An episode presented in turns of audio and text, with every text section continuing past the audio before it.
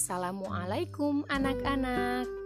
Selama Ramadan ini, kalian akan ditemani Budiana dalam cerita. Sebelum kita mendengarkan cerita hari ini, alangkah lebih baiknya kita membaca basmalah bersama-sama. Bismillahirrahmanirrahim. Dahulu kala, ketika ia masih duduk di bangku sekolah dasar, Anis sering sekali membantu kedua orang tuanya. Bahkan ia mau berjualan es teh manis dan koran di kereta untuk bisa menutupi kebutuhan sekolahnya. Anis sangat penurut dan mau melakukan apa pun demi kedua orang tuanya. Ia tak lupa mendirikan sholat lima waktu sebagai kewajibannya. Anis merupakan figur anak yang sangat sabar. Ia bertekad suatu saat nanti bisa memberangkatkan kedua orang tuanya pergi haji ke tanah suci. Sejak duduk di bangku SD, Anis merupakan anak laki-laki yang tidak bisa tinggal diam. Ia selalu membantu kedua orang tuanya dan saudara-saudaranya. Ia juga memiliki cita-cita untuk bisa memiliki sebuah warung kelontong kelak ketika ia sudah dewasa. Ia memang anak yang sangat pandai, namun karena keterbatasan keuangan orang tuanya, ia hanya bisa lulus sampai bangku SMA. Namun ia sadar itu memang kehendak Allah dan ia pun menyadari akan keterbatasan orang tuanya. Akhirnya ia berusaha sekuat tenaga untuk bisa membahagiakan kedua orang tuanya. Sampai pada suatu ketika, ia berhasil meraih sebuah posisi yang sangat bagus di sebuah perusahaan.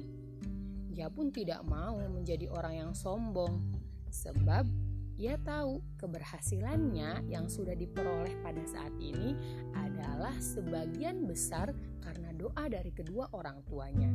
Dan pada akhirnya, ia pun bisa memberangkatkan haji kedua orang tuanya dan merasakan sangat amat bersyukur karena ia bisa menjadi anak yang berbakti untuk orang tuanya. Sekian cerita hari ini. Coba hikmahnya berarti apa? Hikmahnya adalah kita jangan pernah menyia-nyiakan orang tua kita jika saat ini mereka masih hidup, maka peliharalah, jagalah, dan rawatlah mereka. Sebab merekalah yang merawat kita semenjak kita kecil.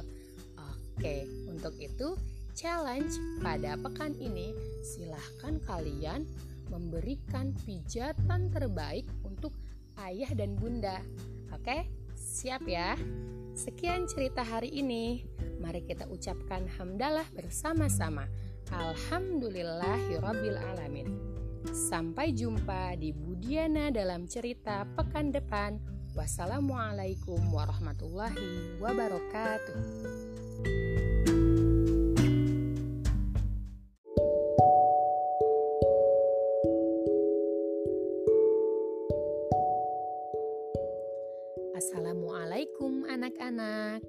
Selama Ramadan ini, kalian akan ditemani Budiana dalam cerita.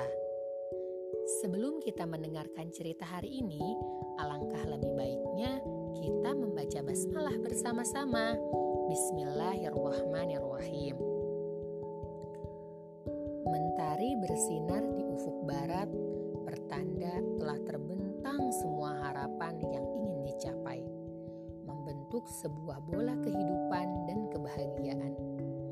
Di sebuah desa terpencil, tinggallah seorang anak yang berusia 10 tahun.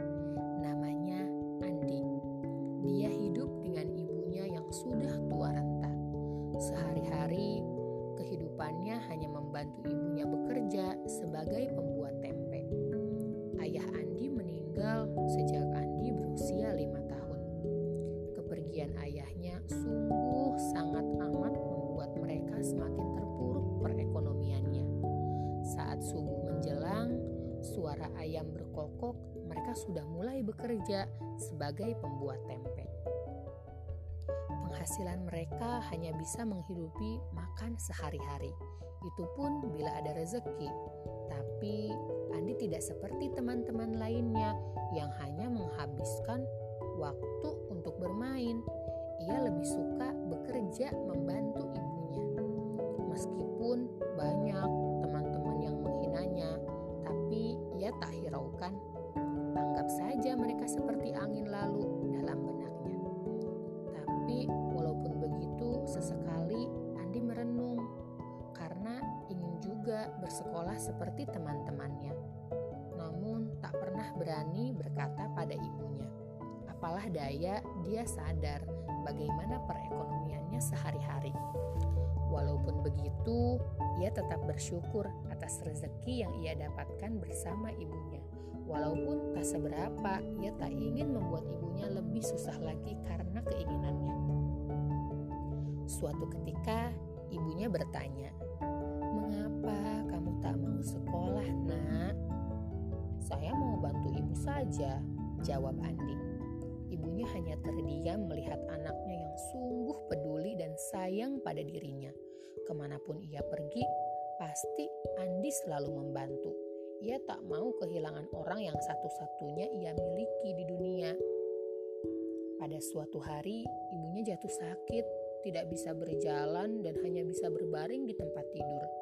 Andi merasa sangat sedih karena tidak mau kehilangan ibunya. Setiap sholat, ia selalu berdoa kepada Allah agar ibunya segera disembuhkan. Karena hanya ibunya lah yang ia miliki. Tapi Allah berkehendak lain. Takdir tidak bisa dihindari. Ibunya diambil nyawanya oleh Allah Subhanahu wa taala. Ia sangat terpukul atas kepergian ibunya hingga pada akhirnya ada seseorang yang ingin merawat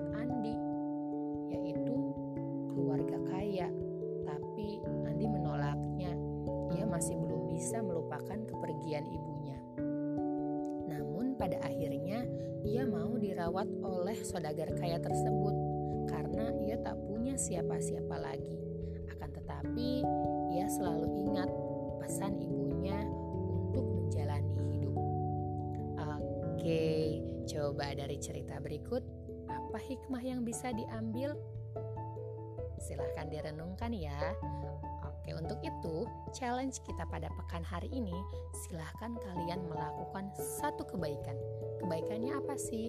Cukup mudah, cukup membantu orang tua kalian dengan cara meringankan bebannya, yaitu silahkan merapihkan lemari kalian sendiri dengan sangat rapi dan tentunya merapikan kasur kalian ketika bangun tidur nanti ya.